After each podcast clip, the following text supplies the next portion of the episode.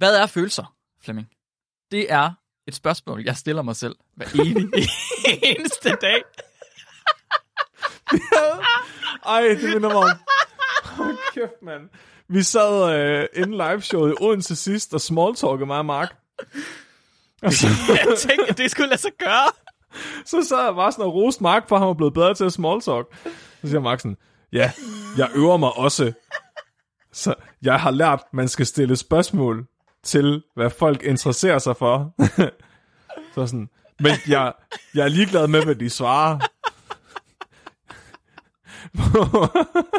Så du ikke sige, du ikke afsløre for helvede. Jeg kan godt mærke, at du går op i det. Jeg er ligeglad.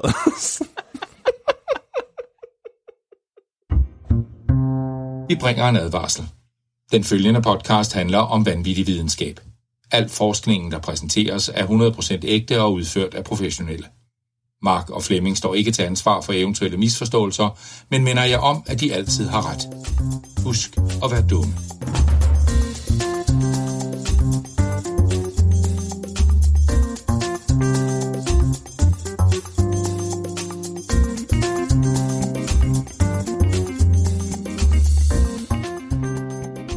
Hej alle sammen, og velkommen til podcasten, der får dig til at puste lidt hårdere ud af næsen nogle gange, mens du går og laver noget andet. Den skal blive udfordret. jeg er sådan lidt småsulten, Flemming. Og jeg er i stor følelsesmæssig uro. Mark Lyng. Ej, du har taget, tog du den samme titel som mig, Mark? Er det det samme? Det tænker jeg.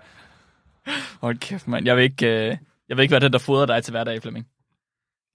Stor følelsesmæssig uro. Ja, hver gang du ikke får mad. Det bliver bare som sådan en grumpy toårig. Mark, Ja. da du lige for tre sekunder siden fortalte mig, hvad dagens afsnit skulle handle om, så blev så? jeg meget forvirret. Ja. Hvorfor gjorde du det? Hvad skal, hvad? Prøv lige at sige det igen. Jeg er Vi- ikke sikker på, at jeg hørte det rigtigt. Så afsnittet i dag, Flemming, det skal ja. handle om følelser. Men Mark, hvad skal afsnit, hvad skal du tale om i dag, Mark? Flemming, Ja? Jeg skal tale om følelser. Mark skal tale om følelser. Ikke min egen følelser, selvfølgelig. Fordi de, altså... Er det følelsen af at få skåret sin pik af? Nej, nej, nej, nej, nej, nej, nej. Det er, ikke, det er ikke empiriske følelser. Det er psykologiske følelser, Flemming. Det er rigtige psykologiske følelser, vi skal snakke om følelser i dag. Hvem er du? Jamen, Jeg forstår det ikke. jeg, og jeg siger det igen. Det er ikke mine følelser, Flemming. Fordi man, det, det kan vi ikke snakke om, fordi det er ikke nogen, selvfølgelig. Det er Ja, det andres står i talepapiret, når du skal have følelser. Ja, ja. Vær glad. Vær trist. Øhm, nej, så øh, jeg lavede det her afsnit om afsky for efterhånden et stykke tid siden. ja. Og i kølvandet på det afsnit, der skrev Aneshka ind til os. Og hun spurgte, om ikke jeg ville uddybe min meget korte gennemgang af menneskets grundfølelser. Fordi jeg fik nævnt i det afsnit, at afsky er en af menneskets grundfølelser. Og øh, jeg tænker, at det var sgu da en skide god idé. Fordi, Flemming, som vestjyde, så er jeg stærkt udrustet til at give en objektiv redegørelse af følelser. Det er sådan meget binært, er det ikke det? Der er det er fint, og det er træls. Nej, nej, nej, nej, nej, nej. Og så er der ikke noget midt imellem. Det er ikke binært. Det, det, det er dog ikke binært. Men det er en diskret skala. Hvis der ikke er mere pemrør nede ved VVS-eksperten, Ja. så er det træls. Jamen, det er rigtigt. Du Hvis ret. hele din familie dør i en brand, så er det træls. Jamen, det jeg har gjort, Flemming, det er, at jeg har simpelthen taget udgangspunkt i, hvad eksperter, de mener følelser er. Ikke i, hvad... Fordi eksperter, de, det er som om, at de, de sjældent har forsket i vestjyders følelser. Så de kender ikke det binære øh, system, vi har. nej, nej, okay. De, men, men heldigvis, så, så har de heller ikke... Det er ikke så et spektrum, har jeg fundet ud af. Det kommer vi selvfølgelig til. Men det er simpelthen, det er, der er afmålte følelser, og der er helt bestemte følelser. Det er en diskret akse.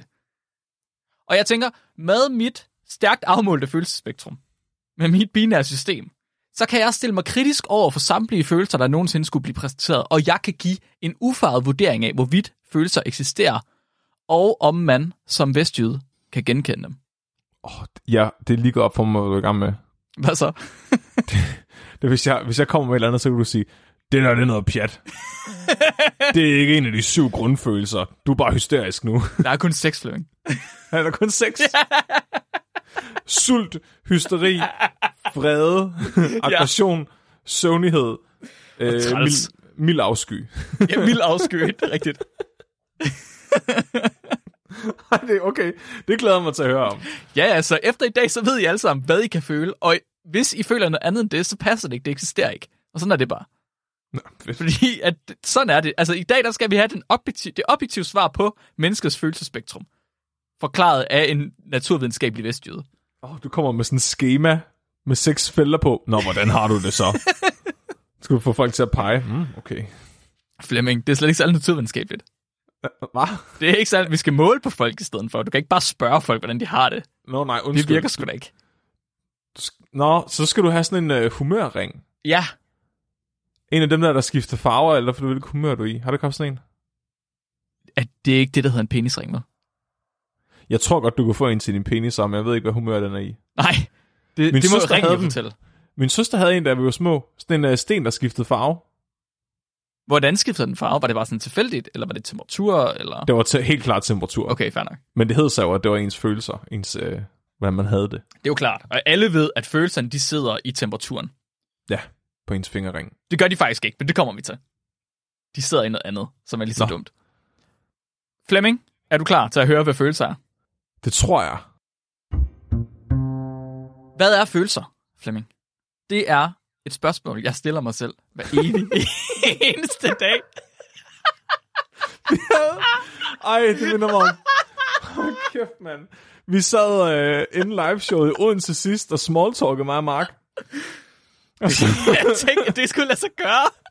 så sad jeg bare sådan og roste Mark, for han var blevet bedre til at smalltalk. Så siger Mark sådan, ja, jeg øver mig også. Så jeg har lært, man skal stille spørgsmål til, hvad folk interesserer sig for. så sådan, men jeg, jeg er ligeglad med, hvad de svarer. Så vil du ikke sige, du vil ikke afsløre for helvede. Jeg kan godt mærke, at du går op i det. Jeg er ligeglad. Jeg ved, jeg ved bare, jeg er ikke den eneste, der sidder her og har sådan en small talk, er noget af det fucking værste, jeg kommer i tanke om. Og Flemming, han elsker det, og det er det værste. Jeg hader small talk. Nej, men okay, jeg elsker heller ikke almindelig small talk. Altså, jeg, jeg elsker at snakke om høns med folk. og det går overraskende godt. Jamen, du er også du er typen, der godt kan... Um, altså, der, der godt kan huske folks fødselsdag og spørge ind til det. Og sådan, Nå, har du ikke også lige fået en ny bil? Og hvordan gik det, da du skulle ned til lægen i går? Alle sådan nogle ting. Det, nå, okay. Det, det, det, det er ikke noget, jeg i hvert fald lægger mærke til. Men det, det kan også være, det er bare, fordi jeg er altså, socialt handicappet. Det er vist rigtigt nok. det ved jeg ikke. Det Nå. ved jeg ikke, Mark. Jeg synes, du, bliver, du udvikler dig. Jamen, jeg prøver, Flemming. Det er blandt andet med et afsnit som i dag, at jeg udvikler mig. Ja. Hver dag, Flemming, der bliver jeg bombarderet af folk og af ansigtsudtrykker. Af ansigtsudtrykker. Udtrykker. ansigt, prøv at se, jeg kan ikke engang sige det. Af folk og af ansigtsudtryk og af forskellige tonelejer. Hver eneste dag, Flemming. Ja. Og jeg har lært, Flemming, efter 28 år, Ja. at der er faktisk en grund til, at folks ansigtsudtryk, de er forskellige nogle gange. Vidste du godt det? Kom an på, hvor hårdt de trykker. Ja, for det er ikke Ja. engang løgn. Vidste du, vidste, vidste du godt, at når man er til begravelse i et vestligt land, ligesom Danmark, Ja. med undtagelse af Esbjerg og Tyberon, så er der en ret stor sandsynlighed for, at folks ansigter, de ligesom er kringlet sådan helt sammen. Og at der løber vand ned af kinderne. Altså som om der er nogen, der krøllet et stykke papir sammen, og så hælder vand hen over det. Ja. Vidste du godt det? Det er, en, det er faktisk, man kalder det for en følelse. Psykologer er blevet enige om, nu siger jeg, lige, skulle- ej, nu siger jeg et jeg- ord, jeg som jeg er begyndt at godt kunne lide, som, som er, er smart. Psyko- ja. Der er en konsensus for psykologer om, at det kalder man for trist. en trist. det er følelsen af træls. Der er ikke noget godt ord for det på dansk. Det hedder sadness. Sadness. Sadness. Ked, Sad. ked af det Ja, præcis. Men, Flemming, vidste du så også godt, at der findes andre følelser? Der er flere end én følelse. og det er faktisk, nu siger jeg noget vildt, det er og, og noget rigtigt, nu jokes away, det er åbenbart noget, man kan genkende i folks ansigter. Når, folk, når folks ansigter, de ændrer form, så er det ikke fordi, at deres nervesystem, det går i stykker. Det er faktisk med vilje. Det er ikke bare fordi, at de sådan slukker som en robot, og så, du ved, er det bare sådan, at folderen, de lykker sig. Det er faktisk fordi, at de her ansigtsudtryk, de symboliserer nogle ting. Jeg har blandt andet lært, at der findes andre følelser. Der findes noget, der hedder glæde, afsky, vrede, frygt og overraskelse. For Den film har jeg også set. tristhed. Præcis, Flemming. Præcis, det kommer vi til. Okay. Og øh, de her følelser her, som de jo bliver kaldt af psykologer, de kan alle sammen ses i ansigterne på mennesker, og faktisk også hos mange andre dyr. Da vi talte om afsky i afsnit 108, der nævnte jeg øh, kort, at afsky det er en af menneskets seks grundfølelser. Og det Ja. er øh, selvfølgelig en grov oversimplificering. Ligesom med det meste andet, vi taler om, øh, når, hvis det ikke det handler om molekylærbiologi eller cellebiologi. Så når Flemming og vi taler, så er det som regel en grov oversimplificering. Og det var det her også. I virkeligheden, så er videnskaben om følelser, det er et felt, der faktisk er overraskende nok i vanvittig stærk udvikling. Det er først for 60 år siden, at man begyndte systematisk at kortlægge følelser. Okay. At, Jeg har, jeg har hørt om det der studie med, øh, hvor man tog ordbogen Ja, og pillede alle ord, der var relateret til følelser, ud af ordbogen, og så prøvede man at se, okay, de her to ord betyder det samme, de her to ord betyder det samme, og så endte man med 17 ord. Og så brugte man ligesom sproget til at bestemme, hvad grundfølelserne var. ved du, hvornår det var fra? Øh, 70'erne, tror jeg. Okay, så øh, det var cirka i slut 60'erne, eller start 60'erne, at man begyndte at forske i følelser sådan rigtigt.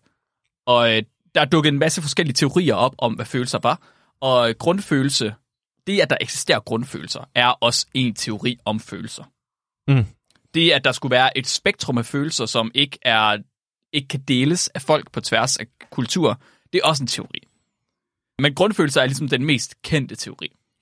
Okay, skal det forstås ligesom, der er grundfarver, så at Ja, andre følelser, der ikke er en af grundfølelserne, er en blanding af grundfølelserne? ja.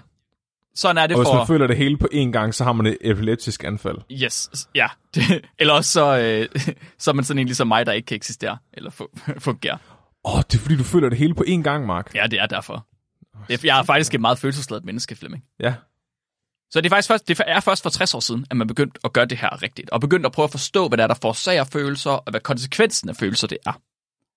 Og det betyder, at der selv nu ikke er nogen bred enighed om, hvordan følelser de egentlig fungerer. Og det er vi lige nødt til at pakke lidt ud. Så de førende videnskabsfolk inden for psykologi, sociologi, neurologi og følelser, de er ikke enige om, hvordan følelser fungerer Mm. i år 2023. Okay, det, ja. Altså, det, det giver måske lidt sig selv, fordi der er altid ting, man kan være uenig om inden for et, et, vid- en videnskab. Men jeg troede bare, at følelser var så grundlæggende en ting, at det var vi blevet enige om for lang tid siden, hvordan det fungerede. Det var svært at måle på, jo. Det kan man Eller sige. sådan, ja. Og det, det, er det, er jo- det er, det, for mig er det lidt mærkeligt, fordi den almene befolkning, der er mig, Flemming, os, der har set Inside Out, vi er jo ret enige om, hvordan følelser fungerer. Right? De fungerer ligesom den her dokumentar, den her indefra ud dokumentar, selvfølgelig. Når vi er glade, så smiler vi, når vi er triste, så surmuler vi. Den hedder Inderst Inde, tror jeg, på dansk. Den inderst inde, Ja, det tror jeg. Jeg skal lige dobbelttjekke, så folk ved, hvad vi snakker om. danske oversættelser. Jeg tror, alle ved, hvad vi snakker om. Ja, Inderst Inde, ja. 2015. Men øh, den opfattelse, som almene, al, almindelige mennesker har, lægefolk, de har om følelser, er faktisk en af teorierne om følelser, siger man. Og man kalder det for det, øh, hvad fanden er det, man kalder det? Jeg kan ikke huske, man siger det folkelige syn, eller det konventionelle syn, eller sådan noget. Og der er simpelthen, der er skrevet store reviews om, hvorfor at det folkelige syn, det almindelige syn, det ikke nødvendigvis giver mening, Okay. og at det måske er mere komplekst end det. Så det folkelige syn er bare en ud af syv teorier om, hvordan følelser virker, og hvordan følelser er opstået. Så det er sådan hverdags... Hverdagsmåde, Psykologi. ja, lige præcis. Inside-out-agtigt. Okay. Så den moderne forskning i følelser, den starter tilbage i 1960'erne. Og det gør den, da en gut, der hedder Paul Ekman, han publicerer det første studie nogensinde, der kobler ansigtsudtryk til følelser. Paul Ekman, han er godfather af følelser. Han er følelsesforskeren. Det var ham, der opdagede, at menneskers ansigter ændrede sig efter, hvordan de havde det. Øh, jeg ved ikke, om man opdagede, at de ændrede sig efter det, men det var i hvert fald ham, der fandt ud af, at der var en systematik i, at de ændrede sig i forhold til, hvordan de har det. Prøv lige at tænke på, hvordan verden var før 1960'erne. Jamen, altså, det var Hvordan vi alle sammen bare rundt, rendte rundt og var forvirret og ikke kunne aflæse hinanden. præcis. Jeg tror, det er derfor, at øh, vores forældres generation, de er, som de er. Ja. De er aldrig blevet trænet i følelser. De vidste ikke, de Nej. eksisterede. Nej, det er jo derfor, der har været så meget krig altid. Ja, ja. Det er jo lige meget. Hvorfor ser du sådan der ud i ansigtet? Det var efter 2. verdenskrig, så var det sådan, okay, nu kan det være nok det her. Nu bliver vi nødt til at lære at kommunikere bedre, og så lærte vi at læse hinandens ansigter. Hvorfor er der folk, de ser så mærkeligt ud, når jeg skyder dem? Jeg forstår det ikke. Hvad sker der? Faktisk er lige til en Nobelpris. Kæmpe videnskabelig gennembrud. Det kan man sige. Så Paul Ekman og en af hans kolleger, de producerer et katalog af billeder af ansigter. Og så sætter de en gruppe forsøgspersoner til at kigge de her billeder igennem. Og så skulle de vurdere, hvilken følelse ansigtet på billedet det udviser. Så de har et helt katalog af masse forskellige ansigter med forskellige ansigtsudtryk. Der var nogen, der smilte, der var nogen, der vrikkede på næsen, der var nogen, der knep øjenbrynene sammen. Mm. Og så fik de forsøgspersoner til at kigge alle de her billeder igennem. Og så skulle de kigge på et billede, og så skulle de sige, at den person er glad, den person er trist, den person er overrasket. Mm. Hvad de nu ligesom tænkte, en følelse kunne beskrives med. Paul og hans kollega, de havde allerede, øhm, hvad skal man sige, kodet de her billeder på forhånd. De havde allerede sagt, hvilken følelse, som de mente, at øh, forsøg, hvad hedder person på billedet udviste, fordi de havde selv taget billederne og sagt til, hvordan det skulle se ud. Så de prøvede ligesom at se, hvilke følelser er det, som folk kan genkende bedst muligt, med, størst, med, med bedst præcision. Altså der, hvor folk er enige om, hvad følelsen er. Ja, lige præcis. Okay. Ja. Og øh, der var seks følelser, der kunne genkendes i en grad, der ikke var tilfældig. Det var glæde, det var overraskelse, det var vrede, det var afsky, det var tristhed, og det var frygt. I den rækkefølge. 96% af alle forsøgspersonerne kunne genkende glæde korrekt. Mere komplekse følelser, som for eksempel sorg, var sværere for folk at genkende korrekt. De har nok i stedet for sagt sådan noget som tristhed. Og det er blandt andet derfor, at, som du var inde på lige før, at der er kommet de her teorier om, at grundfølelserne er ligesom øh, grundfarverne, og alle andre følelser er så blandinger af de forskellige grundfølelser. Sådan at du kan lave et følelseshjul i virkeligheden, hvor du så har, du ved, orange er øh, en blanding mellem vrede og glæde, I guess. Okay. ja, sådan er den stil. Ja. Selvom billedkataloget det også inkluderede de her andre følelser, så blev de ikke genkendt af forsøgspersonerne. Og derfor så proklamerer Paul Ekman, at de seks følelser, det må være universelle følelser, der kan genkendes intrinsisk af mennesket. Ja, der kan genkendes. Ja. Yes, genkendes, lige præcis. Okay, det er jo lidt, fuck, det er lidt biased, ikke? Fordi jeg tænker, det er de følelser, der er vigtige for os at kommunikere med Mhm. mm-hmm. andre. Der må jo være nogle grundfølelser også, som vi ikke behøver at kommunikere. Ja, det kan du jo fuldstændig ret i. Dem er han overhovedet ikke interesseret i. Fordi, Sådan noget som omsorg, for eksempel, tænker jeg. jamen, dem skal du jo ikke vise i ansigtet. Nej, nej, nej. Det viser nej. du ikke i ansigtet. Det er jo glæde. Det kan du godt se. Øh, Undskyld. Prøv at det er sådan, jeg forstår det. Du kan se det i ansigtet, så er det en følelse. Jeg synes, det er godt tænkt. Ej, okay, jamen, ja, ja, ja, ja, undskyld. Nej, det er alt for kompleks en følelse, Flemming. Det kan slet ikke eksistere i mennesket. Det må være en blanding af nogle andre. Ja, Hvad, er, hvad vil omsorg være, tror du? En blanding af de her? Er det glæde og tristhed, måske? ja. Oh, nej, mit, Glæde og mit liv er- frygt? Mit liv er slut, men hold op, hvor den ligner mig. Ja, præcis. Øhm, der var, det er ikke det eneste problem, der er med Ekmans forsøg. Der er en lille smule bias, men man kan sige, at han var også den allerførste, der overhovedet prøvede på det her. Så der er ikke noget at sige til, at han måske har, du ved, holdt lidt fast i sin idé. Mm. Der var ikke rigtig nogen til at sige ham imod. Han er også vokset op under 2. verdenskrig, jo så. Han er også vokset op på 2. verdenskrig, ja. Og øh, han, han gjorde alt det her i USA. Hvad, hvad forestiller du dig, der har været et problem med det her studie her? Han er psykologiprofessor i USA, der har ville se, om folk de kunne genkende ansigtsudtryk. Og så proklamerer han, at folk universelt set over hele verden kan genkende de her ansigtsudtryk. Okay. Og det var kun hvide højrehåndede mænd, han testede på. At det var i hvert fald øh, dem, der kunne øh, læse psykologi på et universitet. Okay. Og som så bare- de er alle sammen fuldskæg og pip i munden på billederne. ja, præcis. det er virkelig Præcis. svært at se, om nogen er aggressive eller omsorgsfulde, når de er fuldskæg. Ja, præcis. Altså, han havde, han havde kun udført det her studie på amerikanske studerende, der alle sammen havde adgang til den samme kultur via tv og radio selvfølgelig. Mm. Det var i 60'erne, så i USA, der var tv ligesom begyndt at komme frem, og ellers så eksisterede radio meget, og magasiner eksisterede også. Mm. Så hvordan kunne Ekman vide, at de her følelser ikke bare var kulturelt tillærte? Sådan at smil i USA betyder glæde, for eksempel. Ja, så ligesom sprog, Ja, så, så er det bare måske et, et fysiologisk sprog i stedet for. præcis. Det er bare noget, du har lært. Eller, eller det, at du associerer forskellige farver med forskellige følelser. Ja, Det kunne være det samme, at du associerer forskellige ansigtsudtryk med forskellige følelser. ja okay. Fordi Ja. det er det, du er blevet opfostret til kulturelt. Så det vil sige Vestjylland, Ja. Det er bare det er et følelse, det er et emotionelt dialekt, I har. Ja, ja, ja, det er fordi, vi har ikke nogen kultur. Og når man ikke har nogen kultur, så har man ikke nogen følelser. vi har, vi har fisk og svin. Det er det, vi har. Og kartofler. Og kartofler. Det kunne han selvfølgelig ikke. Han kunne ikke vide, om det var kulturelt tillært. Men det var han faktisk også godt selv klar over. Her er han allerede på banen og tænker, okay, jeg kan ikke sige, at det er noget, som alle i hele verden kan se, hvis ikke jeg har vist, at der er andre i verden, der kan se det. Så han sætter sig for at teste, om følelser de kan deles af andre kulturer også. Men han følte sig nødsaget til at teste folkefærd, der aldrig nogensinde havde haft muligheden for at være under indflydelse af vestlig kultur.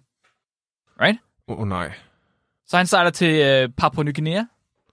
Og så døde de alle sammen med kopper. Heldigvis ikke.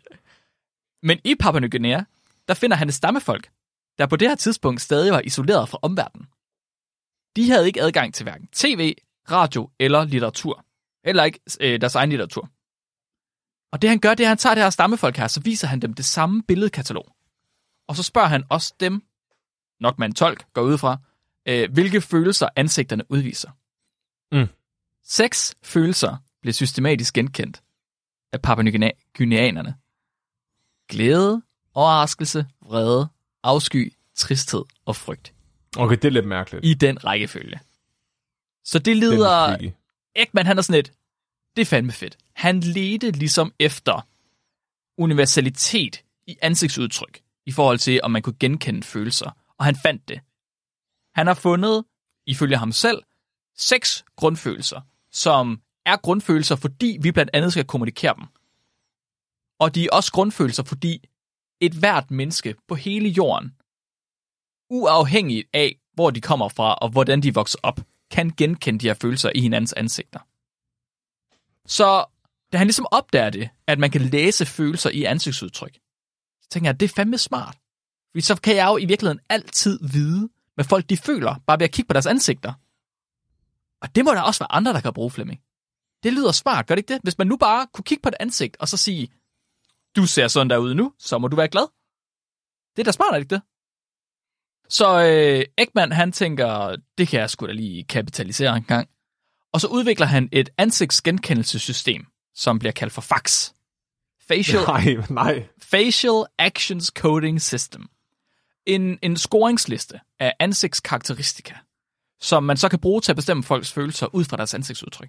Det er jo det, vi skal bruge til et observationsstudie på et Flemming, tidspunkt. det er præcis det, jeg har snakket om. Det er præcis det, jeg har snakket om. Det er det her scoringssystem. Og ved du, hvad, der, ved du, hvad vildt er? Det er allerede brugt meget. Altså, det eksisterer rigtig, rigtig meget. Men det var også en afart af det, som ham der Trinkaus han brugt, da han kiggede på folk, var interageret med julemanden. I guess. Jeg ved ikke, om han faktisk har om han refereret til det. Han refererede i hvert fald til en udgave af den, tror jeg. Okay, fordi uh, det er noget, som folk de har refereret til, og stadig gør det op i uh, det 21. århundrede. Shit. det originale paper med det her i. Så uh, man scorer efter, efter, hvordan ansigtet ligesom ser ud. Forskellige ting. Så det er blandt andet, om man har rynker i panden, og mundvigene vender op og ned, hvor øjenbrynene de placerer sig, og mange, mange, mange andre ting. Og folk begynder jo selvfølgelig at bruge det her system her. Meget, rigtig meget. Og det fører til, at der danner sig mere evidens for universelle grundfølelser. Specielt da to forskere fra San Franciscos Universitet, de tager til de paralympiske lege for at måle på atleternes ansigtsudtryk. hvorfor, hvorfor de paralympiske lege? Hvorfor de paralympiske lege, Flemming? Hvorfor? Hvorfor skulle de måle på handicappede atleter? Det er et godt spørgsmål. Hvorfor tror du? Er de mere glade, Mark? Mm, nej, det er ikke derfor. Er det fordi, de er langsommere, så er det, kan du nem, nå, nemmere nå at se, når de kommer løbende? Det har ikke noget med det at gøre. Det har ikke noget med det at gøre. Det var ikke stødende sagt, det der. Det var bare Ja, for sjov. Jeg kan høre på dig, at du tænker meget øh, folk med Down-syndrom. ja, det er ikke de eneste mennesker, der er til paralympiske lege. Nå. Så de her to forskere, de tager 4800 billeder af 76 atleter. Det var før, der var GDPR-regler, så de må bare tage billeder af folk og deres ansigter. Det var gode Men tider, hvorfor var. det paralympiske? Jamen, det kommer vi til, Flemming. Så de Er her... det fordi, de ikke har nogen arme? Nej, Flemming. Så kunne de ikke slå dem? At nogen af dem havde, ikke nogen arm, havde måske ikke nogen arm. Nå. Så de tager 4800 billeder af 76 atleter. Og alle de her atleter, de havde vundet en eller anden form for medalje. Deltagerne, de repræsenterede 23 forskellige lande fra seks kontinenter. Det var godt, fordi så havde vi ligesom kulturel øh, adspredning i dataet. Så vi kunne ignorere kulturel indflydelse. Fuldstændig som at Ekman han også sagde. Men hvorfor, Flemming? Hvorfor var de taget til par-OL for helvede? Hvorfor var det vigtigt at måle ansigtsudtryk ved OL for handicappet? Jeg tør ikke gætte mere. Jeg, det, folk bliver bare sure. Flemming, 27 af de her forsøgspersoner, ja. de var født blinde. De havde aldrig set et ansigt før. Mm. De har aldrig nogensinde set et ansigt. Hvis man er født blind, og man aldrig nogensinde har set et ansigt, hvordan ved man så, at man skal smile, når man er glad? Men mærker de ikke folk i ansigtet? Det tror jeg, de. men det betyder ikke nødvendigvis, at de ved, hvordan deres eget ansigt det skal selvfølgelig I guess. Nej. Det var i hvert fald, det var øh, ideen for de her Det er forskere ret sejt. Det er faktisk en ret god idé. Så de, øh, de tænker, er der nogen forskel på de atleter, der er født blinde, og de atleter, der kan se, i forhold til deres ansigtsudtryk, når de vinder medalje, eller når de kommer på tredjepladsen, eller lige når de har afsluttet et løb, eller noget af den stil. Mm. Hvis følelsesbaseret ansigtsudtryk, det er noget, man lærer som barn, hvordan vil en blind person så vide, hvilket ansigtsudtryk de skulle lave, når de vinder en guldmedalje? Ja. Right? Ja.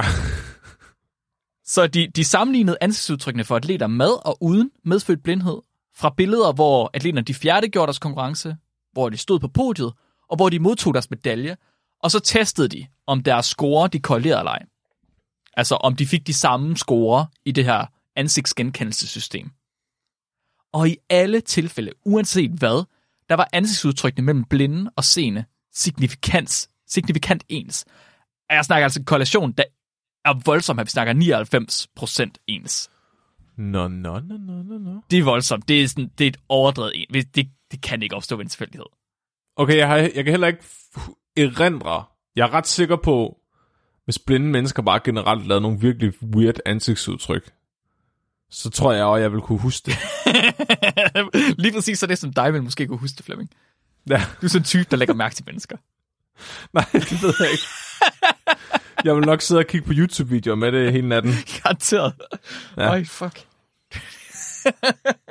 Jeg, jeg mangler et andet. Jeg har, jeg har hørt øh, Christian øh, Comprehensive History hele vejen igennem igen nu. Jeg mangler noget i mit liv. Men så det, de her to forskere, de viser, det er, at uanset om du nogensinde har set et ansigt eller ej, så laver du det samme ansigtsudtryk, når du har den samme følelse som andre mennesker. Og det må jo betyde, at ansigtsudtryk, de intrinsisk hænger sammen med de seks grundfølelser. Og verden er fucking vild med det her. Det taler så meget til menneskets forståelse af verden, at smil betyder glæde, og bukket øjenbryn betyder vrede. At det er bare, det er naturligt og intuitivt for folk. Fuck, hvor fedt, mand. Vi ved det jo alle sammen. Nu er det bare sat på plads af en gut med PhD. Nu, og nu tog han så til Vestjylland, og så røg hele teorien til jorden. Røg hele lortet, ikke? Ja. Det gjorde han ikke. Det, gjorde, det var ikke nødvendigt for ham, fordi Vestjylland er en outlier. Vi er bare mærkelige mennesker, I guess. Hvis du smiler af Vestjylland, der viser aggression. Ja, vi er Ligesom chimpanser. Præcis. Folk, de løber med den her teori her. Ja.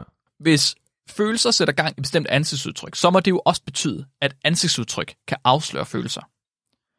Og specifikt så lægger Ekman, han lægger selv mærke til noget, som han navngiver mikroansigtsudtryk. På et tidspunkt der arbejder han med nogle kliniske patienter, som øh, har nogle øh, følelsesproblemer. Altså de har, de har svært ved at forstå følelser, de har svært ved at udvise følelser. Mhm. Og det er specifikt patienter, der lyver om deres følelsesmæssige stadie. Og da han har de her patienter, der opdager han, at han kan se muskeltræk hos patienterne, som de forsøger at skjule. Så en Jeg zoomer lige ind på webcamet her. ja, kan du se min følelse, Flemming? Nej, det er så meget zoomer der heller ikke. Jeg tror, øh, kvaliteten er ikke helt god nok. Vi skal have et 4K web- webcam Ja, det, det er vi nødt til. Det er vi nødt til.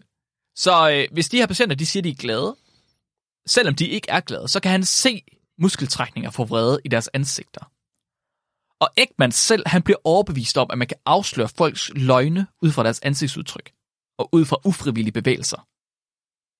Det er jo, det er jo en vildt brugbar teknik. Prøv at tænke at kunne afsløre løgne ud fra ansigt, Flemming. Ansigtsudtryk. oh, nej. I stedet oh, for nej. at bruge en løgndetektor, for, for eksempel.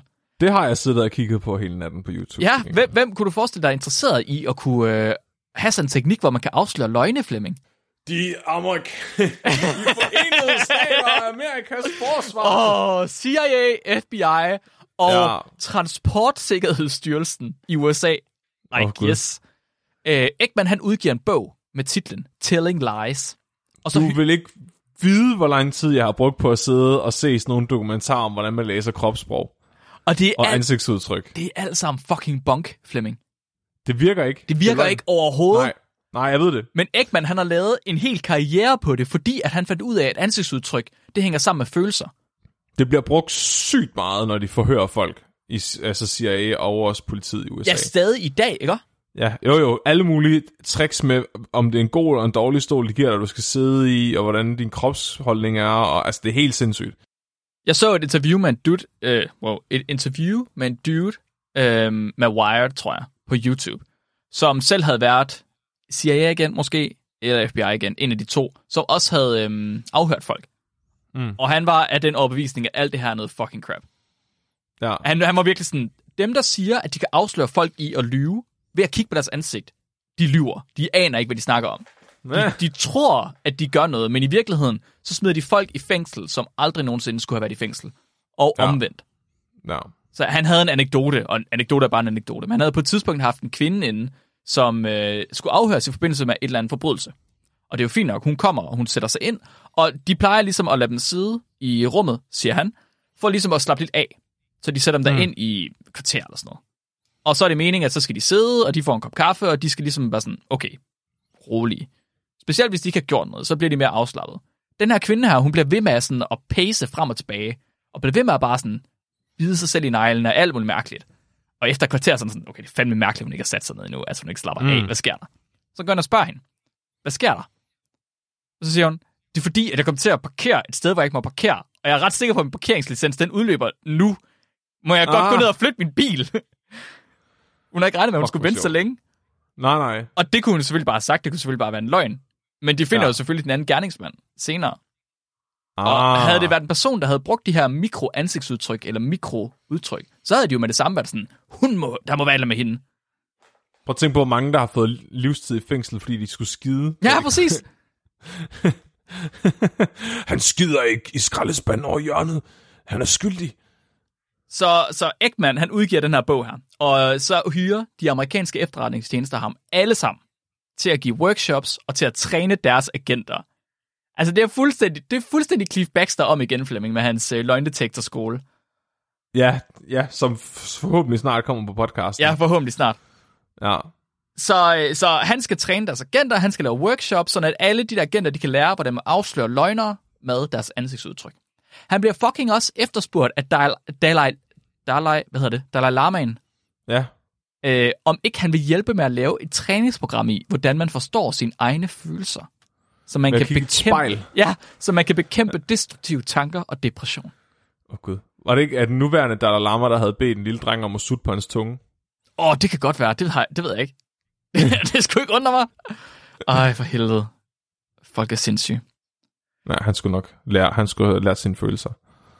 Paul Ekmans forskning har betydet, at tech-giganter som Microsoft, de mener at have udviklet software og AI, der kan genkende menneskers følelser. Skoler underviser børn i følelser med ansigter. Film og tv-shows sammenholder følelser, ansigtsudtryk og løgne. Det amerikanske retssystem har som grundpille at kunne læse en tiltals ansigtsudtryk og følelser. Og det, jeg har en kilde, den amerikanske højesteretsdommer i 1992. Han sagde, at læse tiltaltes følelser er at kende hjertet og sindet på gerningsmanden. Og det er også ham, der blandt andet er skyld i, at øh, man har et stort undervisningsprogram i gang, hvor man skal lære autister at genkende ansigtsudtryk som en proxy for at kunne læse folks følelser. Og det er altså en praksis, som man siden, har påvist, at det virker ikke. Det lyder meget amerikansk. Det er rimelig amerikansk. Det er meget sådan, vi ved, at der, eller vi tror, der er en ting, der virker, og nu det er det, som alle skal gøre. Og så kan det være, at vi finder ud af om 20 år, at det ikke virker. Og det er det, der er sket. Det, det er præcis det, der er sket. Hmm. Og hvis ikke man kan fange det ud fra min tone, så jeg er ikke, en, jeg er ikke stor fan af at simplificere følelser til ansigtsudtryk. Der er selv en objektiv vestjyde som mig, kan godt se, der er flere følelser, end dem, man kan se i Flemmings ansigt. Altså jeg vil sige, jeg har også set følelser i dit ansigt flere gange. Men det har ikke, men det har ikke rigtig været nogen af de der grundfølelser. Hvilke, hvilke, hvilke følelser har du set i mit ansigt, Flemming? Sådan fryd. Ekstase. Det er, du er virkelig kompleks ja. i de følelseregister. Tr- træthed. Ja. Er træthed Og så, bare, følelse? og så bare virkelig sådan innate had og afsky. Det er min standard, det er min baseline. Åh, oh, for helvede. Så andre forskere er heller ikke nødvendigvis specielt imponeret af den her teori. Og derfor Nå. så findes der også andre grene af følelsesforskning, der argumenterer for andre hypoteser. Paul Ekman, han har været en af de mest indflydelsesrige bidrag til forskning i følelser. Og hans teori om menneskets grundfølelser er stadig den mest populære i dag. Også blandt almindelige psykologer. Og det er rimelig anerkendt, at det er den teori, der ligesom er konsensus. Uden at det nødvendigvis er problematisk. Det er specielt hans teori om sammenhængen mellem ansigtsudtryk og følelser. Og hvordan han mener, at man kan fange, fange løgnere baseret på mikroansigtsudtryk, der har fået en del kritik inden for de seneste år. Men hans forskning i, hvordan at man rent faktisk kan læse følelser i ansigtsudtryk, har været virkelig værdifuld i at lære børn om følelser. Så hvis jeg skal prøve at fortælle det med populærkultur. Paul Ekman, han hjalp både med den tv-serie, der hedder Lie to Me, og han hjalp også med Disney-film Inside Out. Okay. Han har, været, han har været rådgiver så på han begge to. sygt gammel, da, han, da Inside Out kom ud. Jamen, han, er, Hvis han gjorde det her tilbage i 60'erne. han er 80 nu, tror jeg. Okay. Han lever stadig. Så har han været ung, dengang han stod igennem. Jamen, det har han også. Han var ret ung. Han fik, det var lige efter, han fik sin Ph.D. Jesus. Ja. Ja, så han har både hjulpet med Lie to Me, som nogen måske kender, og han har hjulpet med Inside Out, som jeg tror, de fleste de kender. Så Lie to Me er pseudovidenskab, men Inside Out er et hjælpsomt redskab til at lære børn om følelser. Er ligesom konsensus, som det er nu. Børn skal lære, altså, det børn skal lære om følelser, det er at lægge låg på dem. De er ikke så meget værre.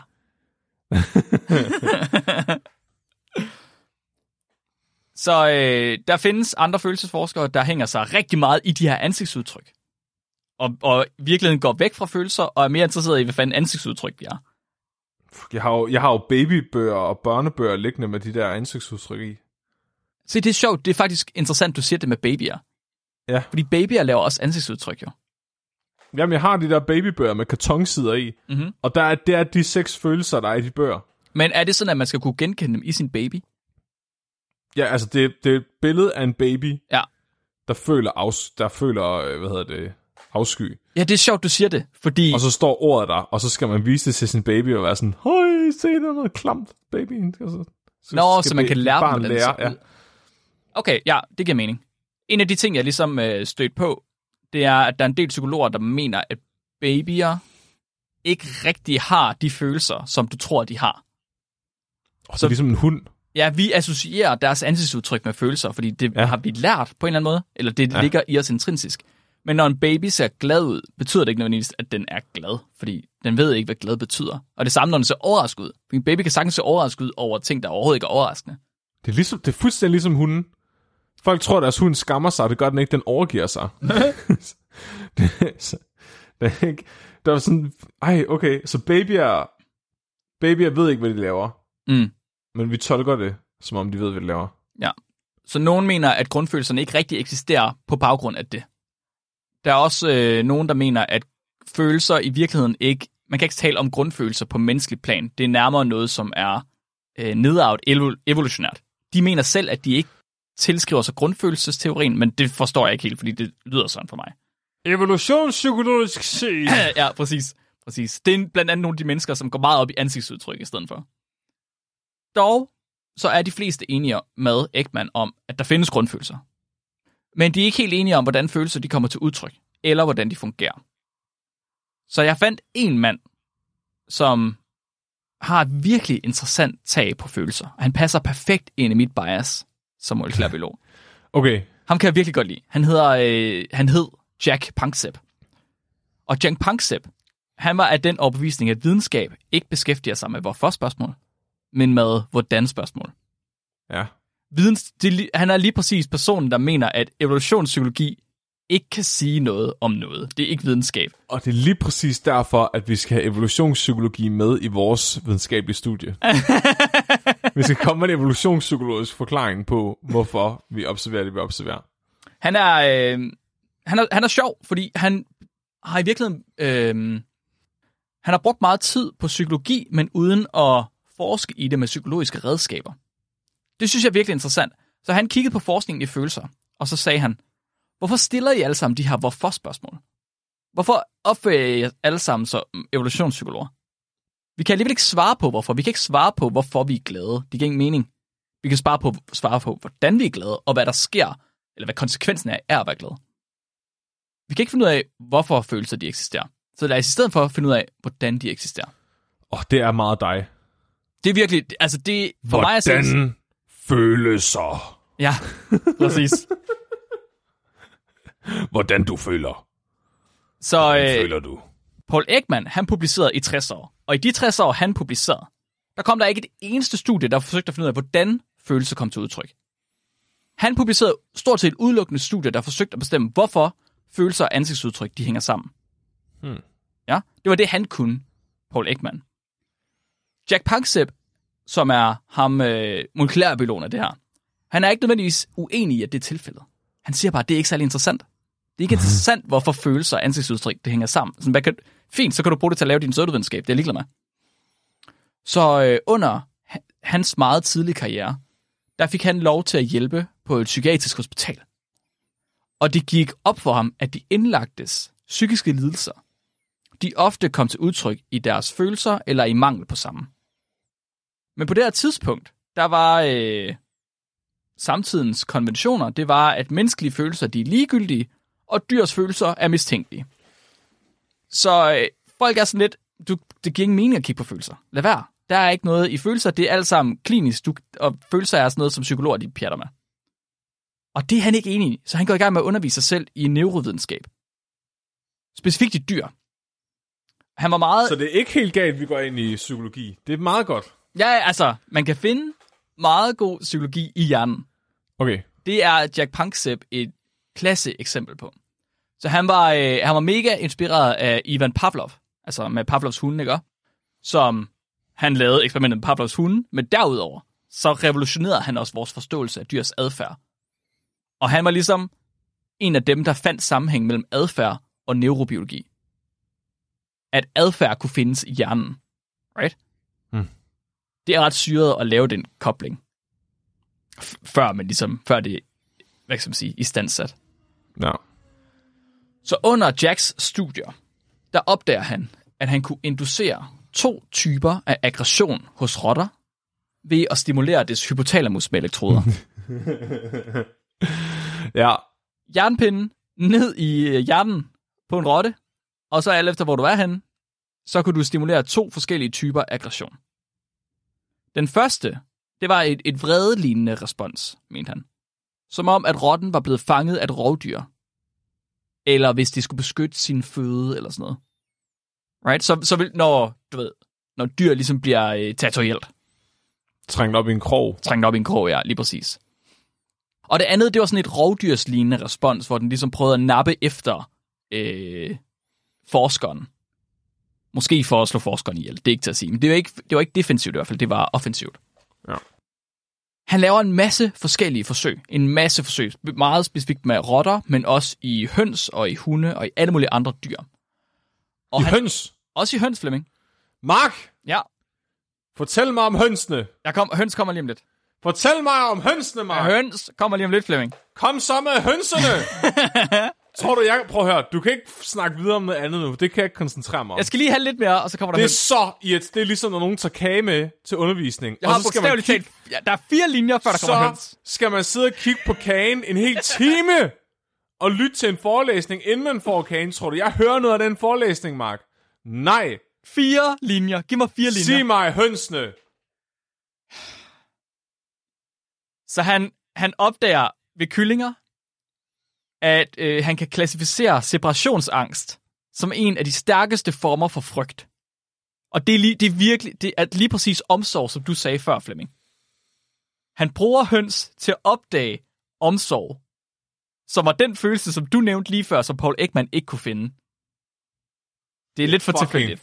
full circle, det her, man. Jeg siger, det er, fordi jeg er så meget i kontakt med min høns, at jeg forstår følelser. Han finder ud af, at separationsangst, det er en af de stærkeste former for frygt. Og så påviser han, både i hundevalpe og hos kyllinger, at han kan stoppe separationsangsten ved at give dem lave doser af opiumstoffer. yes! Hvis jeg sætter en varm nål ind mellem øjnene på Ja. dem, så holder de op med at føle separationsangst. Ja, næsten. Øh, ja. Bortset fra, at han sprøjtede heroin og morfin ind i dem. Hvorfor fuck er der ikke opium til indføring i børnehaven? Øh, det er der faktisk, hvis dit barn er autistisk. What? Ja, fordi øh, blandt andet så en af de ting, som Jack han fandt ud af, det var, at autisme, nogen form for autisme i hvert fald, det var tilbage i 70'erne, han publicerede det studie, men de skyldes en, øh, en misregulering af opiumudskillelsen øh, udskillelsen i hjernen. Fordi, okay, jeg er simpelthen nødt til at skal, jeg er nødt til at skal tilbage, Flemming. så det Jack han opdager, Jack han laver en masse forskellige forsøg, og han opdager syv grundfølelser. Han finder syv grundfølelser, Flemming. Ja. Men han kalder dem ikke glæde og vrede og tristhed og overraskelse. Det er for simpelt for ham. De er lidt mere fluffy i hans termer. Han Angsten kalder for at blive skilt ad fra den person, der tager sig af dig. for eksempel, ja. Der er også noget som, øh, som play er en grundfølelse for ham. Legesyghed ja. er en form Ja. for positiv grundfølelse. Øh, der er nogle lidt forskellige nogen, og han siger ikke, at det nødvendigvis er de eneste, der er. Det er bare dem, han kunne finde. Og måden, han finder dem på, måden, han kategoriserer dem på, det er ved, at han ser en adfærdsændring som følge af et metabolisk signal. Ja. Han ser ikke, at folk de opdager et eller andet mærkeligt ansigtsudtryk, og så er det en følelse. Han ser, der sker noget i kroppen, der ikke plejer at ske, og så ændrer det adfærden. Det, siger han, er en følelse. Altså, det er, det er reguleret fysiologisk. Præcis. Ja. Det er rent faktisk noget, du kan se i kroppen. Så vi er derfor, bare kødrobotter. derfor så er afsky for ham ikke en følelse. Fordi afsky er ikke noget, der stimuleres af et øh, signal i kroppen. Og det er et respons Det er et respons, ja. på en, en stimuli, og ikke noget inde... Ja, okay. Yes. Nej, jeg forstår det. forstår jeg ikke. Men høns, høns. Så øh, han finder de her syv grundfølelser, og de syv grundfølelser eksisterer på tværs af arter. Og han ser, at rotters frygt, den er indad. Det er noget, de er født med. fuck, hvor sjovt, så han bare sådan, Nå, det er flot, hvad du taget til... Du er ud i junglen, var? Mm, okay, du er taget og kigger på blinde mennesker, var? Din fucking hippie. Jeg er taget og kigger på aber Ja. og høns. det er det de ægte grundfølelser. De ægte grund, de lever i dyrene. Jeg har sporet dem tilbage til bananfluen. Han opdagede, at hvis du havde laboratorierotter, som var født i laboratoriet, har aldrig nogensinde set andet end laboratoriet. De har aldrig nogensinde set en kat. Hvis du så tager en varm strikkepind op i røven på den, så... Dog ikke. Men hvis du lagde en tot kattehår ned i deres bur, Mm. så blev de redselslagende. Okay, det er ret sejt. Stoppede de med at lege. Det er ligesom babyer og slanger. Ja, præcis ligesom babyer og slanger og æderkopper. Det er simpelthen indad den frygt. Det er noget, de er født med. Hvis man lagde hundehår ned i stedet for, så fortsatte de, som om der ikke var sket noget. Åh, oh, det er fucked. Det er en rimelig syg kontrol. Det er en rimelig syg kontrol. Især fordi hundene også æder mus, hvis de får chancen. Ja, men det var bare ikke noget, de evolutionært disponerede for at være bange for, I guess. Nej, det er nok også bare fordi ul, altså, ulven bare blev indavlet så hurtigt der, så de kunne nå at udvikle det. Men, men så i al hans forskning, hvor han finder de her syv grundfølelser, så finder han ud af, at specielt opiumstoffer fra hjernen, vi har vores glædeshormon, oxytocin. Opiumstoffer fra hjernen er næsten udelukkende involveret i alle følelser, vi har. Så specielt i de glædes, øh, de positive følelser, som han finder. Så vi udskiller opioider, når vi føler tryghed, når vi føler legesyghed, og når vi er liderlige. Mm. Eller på en eller anden måde har en positiv følelse. Og så finder han ud af, at følelsesbaserede lidelser, de ofte bare kan behandles med opioider.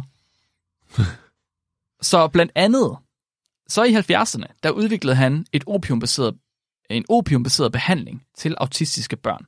Et stof, der hedder naltrexon. Man bruger det også til øhm, behandling mod opiumafhængighed, fordi du ikke kan få en overdosis, så vidt jeg forstår i hvert fald, af naltrexon. Men det fungerer ligesom almindelig opium. Han mener også, og det er mere anekdotisk, men han mener, at grund til, at vi har så nemt ved at blive afhængige af opiumstoffer, det er fordi, at vi får det samme, den samme følelse, som når vi oplever tryghed, og det er noget, vi opsøger. Mm. Fordi manglen på tryghed er så stærk. Kan du huske, vi havde det, studie, det forsøg med en gang, hvor de havde en øh, abeunge, de havde puttet på en øh, metal, Ja, ja. metalmor. Klassikeren. Ja, klassikeren, ikke? Ja. Hvor aben blev fuldstændig fucked, hvis ikke det var, at der var bare noget varm pels af en Ja. art. Ja. Så det er basically det, som tryghedsfornemmelsen er med til at, at gå imod, hvis man kan sige det Så det er måde. derfor, at folk bliver i virkelig fucked up parforhold. Fordi tryghed er opium. Det er svært at sige, om det er derfor, men det er i hvert fald en mulighed, ja.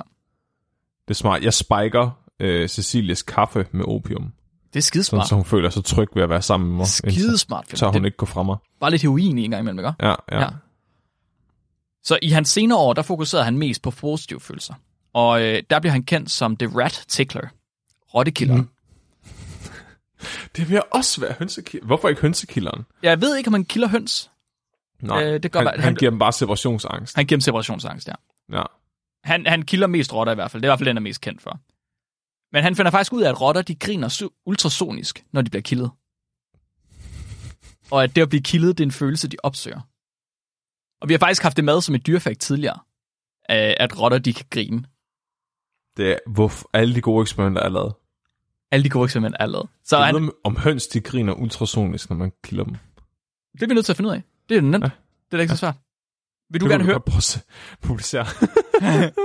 vil du gerne høre, hvordan rottegrin det lyder, Flemming? ja.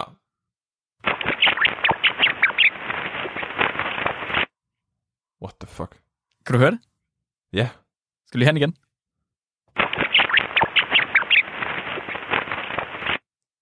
Det er virkelig mærkeligt. Så rotter, de griner i en frekvens, som vi ikke kan høre. De griner øh, i 50.000, eller med 50.000 hertz. Og vi mennesker kan normalt, hvis vi har god hørsel, høre lyde, der er øh, op til 20.000 kilohertz. Ikke? Nej, 20.000 hertz, sorry, 20 kilohertz. Så det vil sige, det er noget for højt, til vi kan høre det. Så de lyde, vi hører her, der har man simpelthen, øh, hvad skal man sige, sænket hastigheden på dem, for at frekvensen bliver øh, lavere, så vi kan høre det. Men det er simpelthen, når de kilder rotter, så er det sådan, at de siger. Og øh, når de så har kildet en rotte, så tager de hånden op, og så løber rotten hen til hænderne for at blive kildet igen. Så det bliver de ved med. Fuck. Og de kunne så se, at når de kildede rotten, så udskilte rotten opiumstoffer i hjernen. Det er virkelig, virkelig wholesome. Så vores kærlighed og vores glæde, det er bestemt af koncentrationen af opioider, der er produceret i hjernen. Og derfor så lykkedes det Jack at udvikle nye behandlingsmetoder mod depression og mod svære selvmordstanker, helt op til han døde i 2017. Han blev ved med at lave det ene efter det andet medicament, der simpelthen kunne hjælpe mod depression. Han er en stor del af grunden til, at vi har antidepressiver i dag.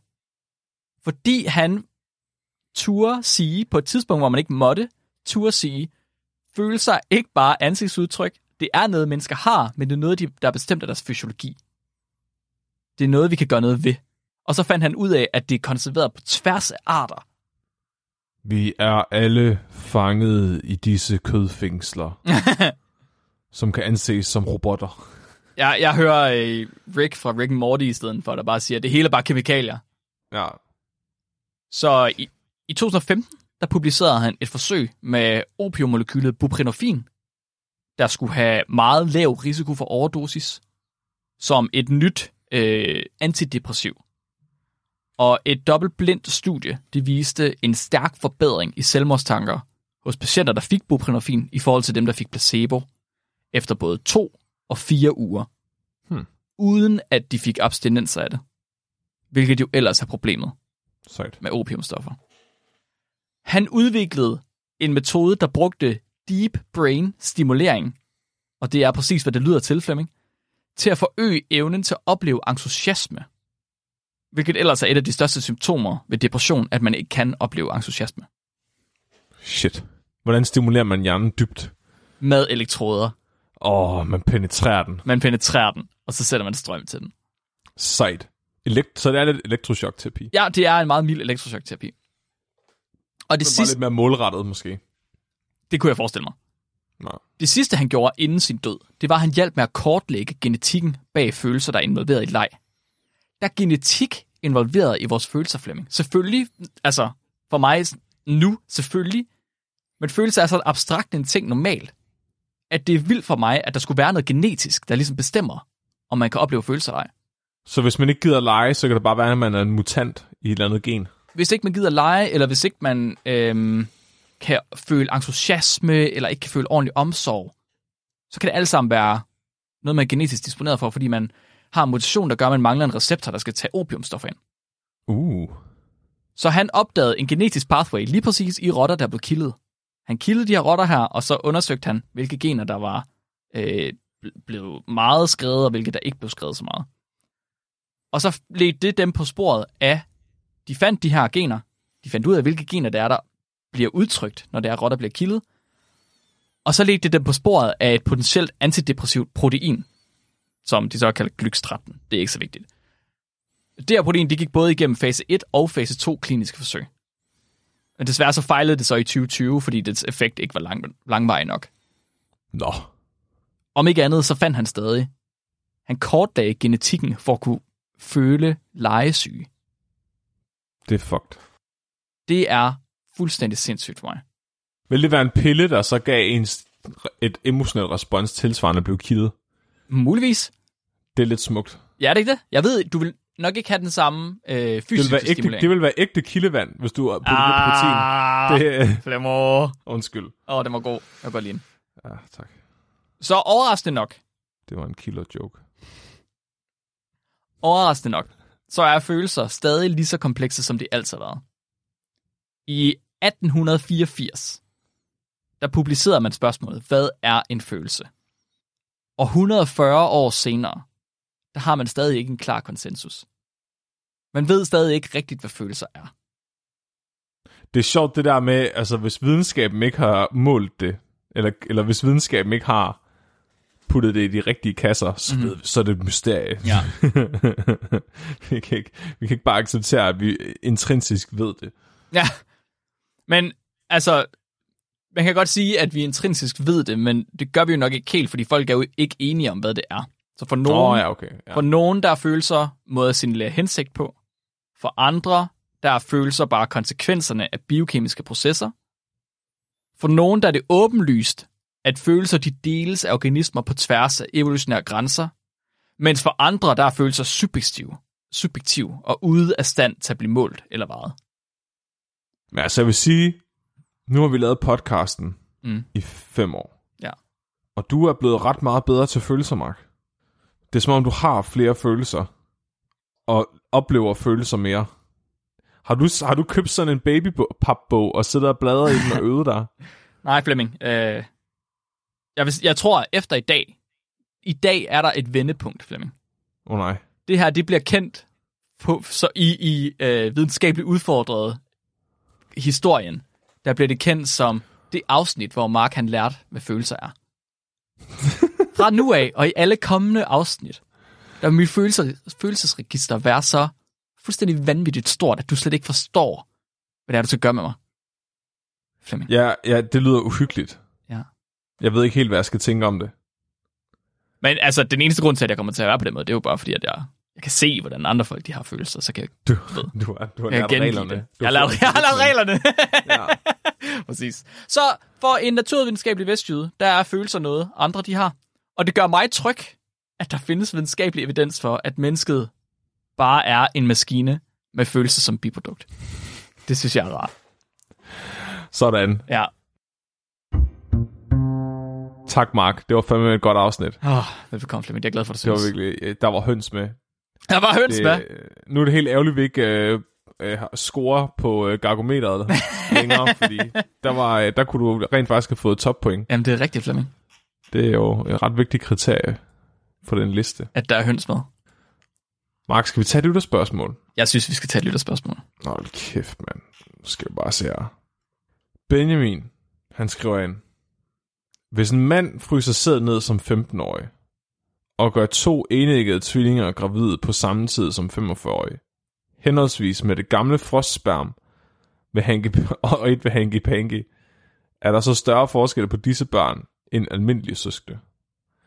Det Jeg er, tror, spørgsmålet er, om ens børn ændrer sig, hvis man bliver ældre, om ens børn så ændrer sig. nej, eller er der forskel på, på sæden?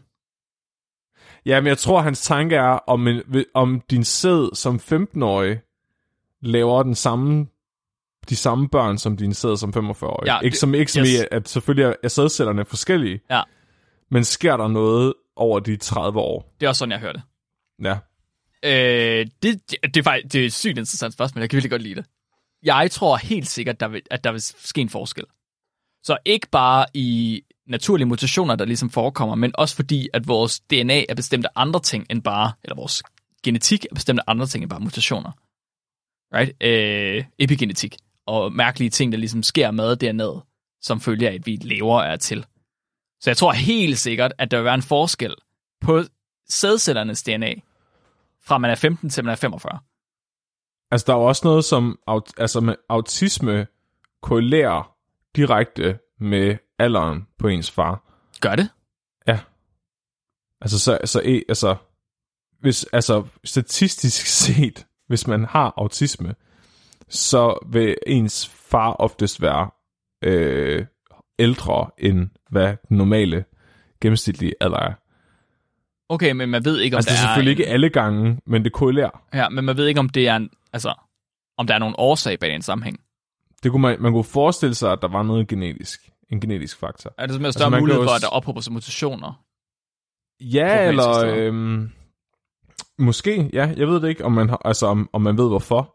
Altså jeg ved for eksempel med kvinder og æg, så, øh, så kommer, kommer der flere og flere kromosomafvielser i, øh, i æggene Ja. øh, med alderen. Og det er også derfor, at fertiliteten falder drastisk øh, for kvinder, når de er Mhm. over 30 for eksempel. Fordi der er kromosomafvielser i æggene, så de producerer stadig æg, der var kromosomafvielser i dem, som de ikke er levedygtige. Okay.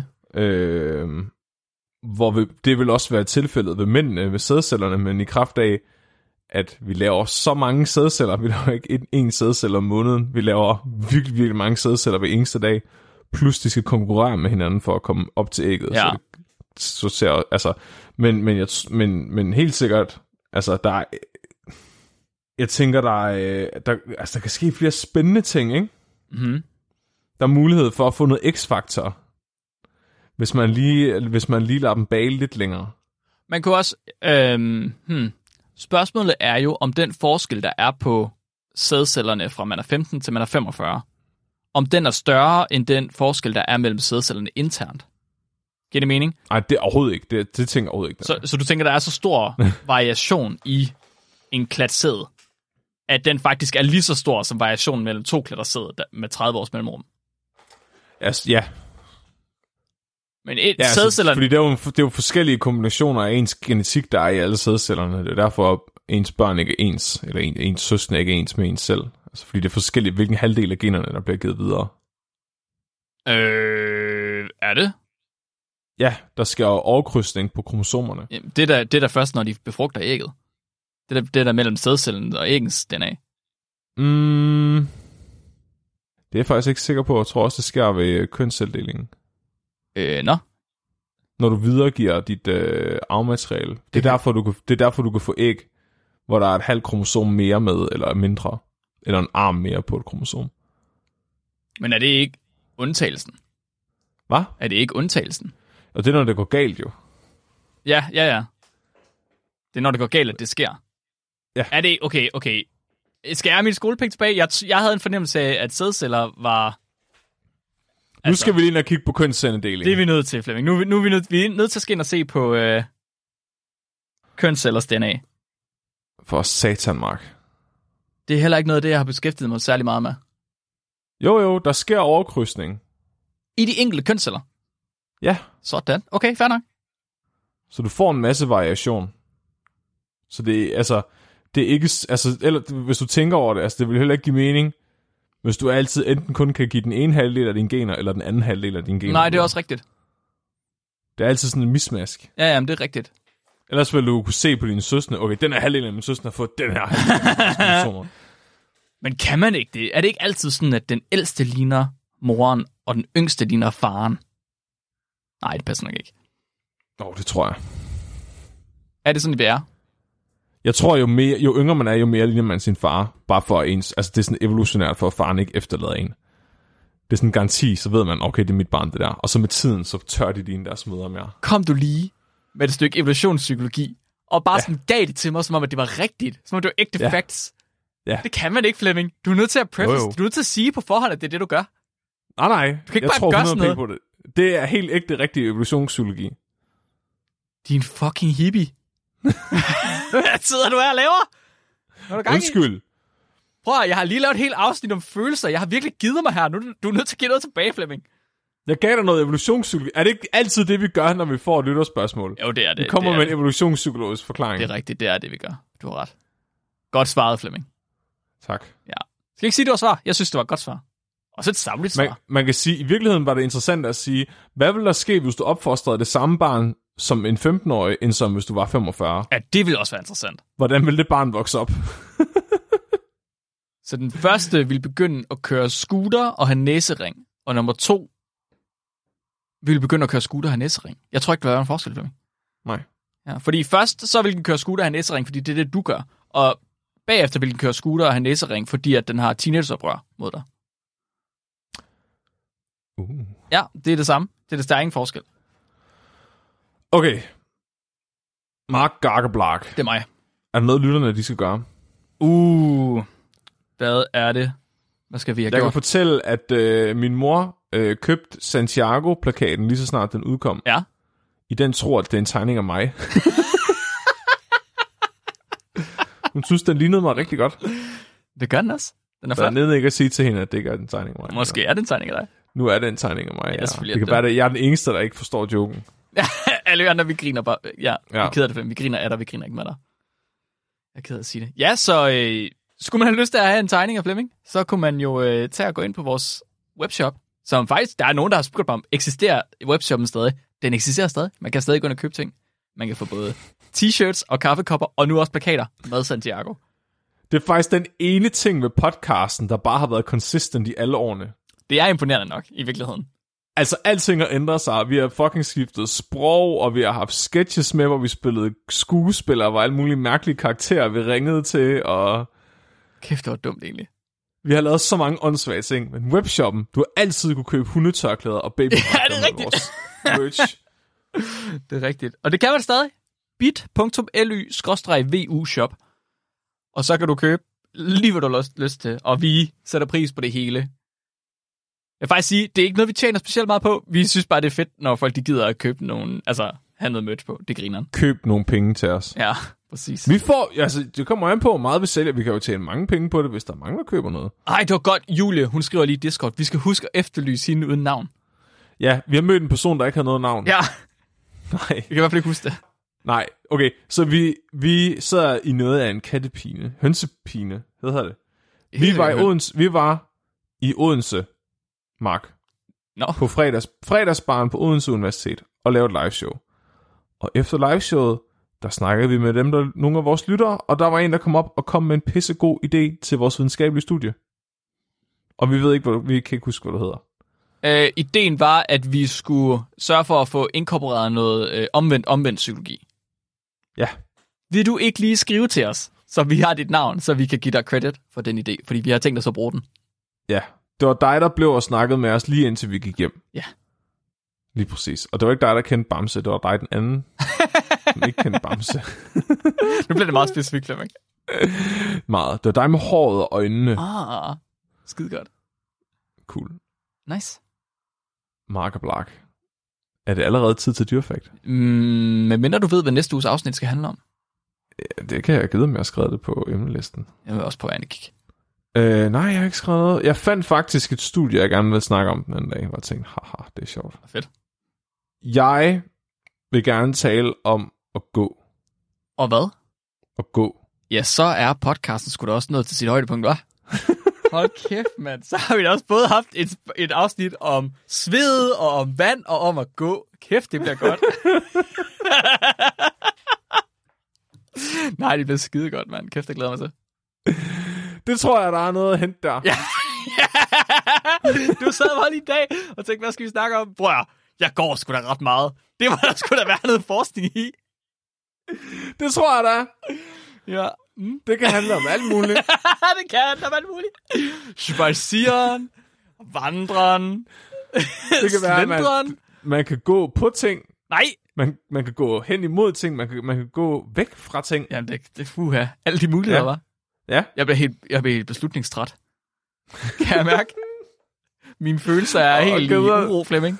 skal vide, om det var en fejl at beslutte sig for. Og der, også fordi jeg har ikke noget at snakke om. Nej, nej, det bliver... Jeg synes, vi må godt give Flemming, hvis han finder på noget andet til næste uge, fordi han ikke kan finde noget om at gå, så det er okay. Det er selvfølgelig kan jeg det. Jeg laver verdens bedste afsnit om at gå. Om videnskaben om at gå. Nu har du sagt det. Fuck, vi kan altid nå at klippe det ud. Selvfølgelig kan vi det. Selvfølgelig kan vi det. Cool. Jamen, dyrfakt. Mm. Jeg skulle fandme få et dyrfakt. Vidste du godt, at høns, følelsen omsorg blev opdaget i høns? Dopet hamster, skråstreg øh, Linette, Linette, hvordan lægger man trykket? Linette, Linette, skriver, der er udviklet briller til høns. Dejligt. Så kan hønsene også se. Det er sjovt, fordi det er overhovedet ikke det, man tror, det er. Hvad er det så? Høns med briller, Ja.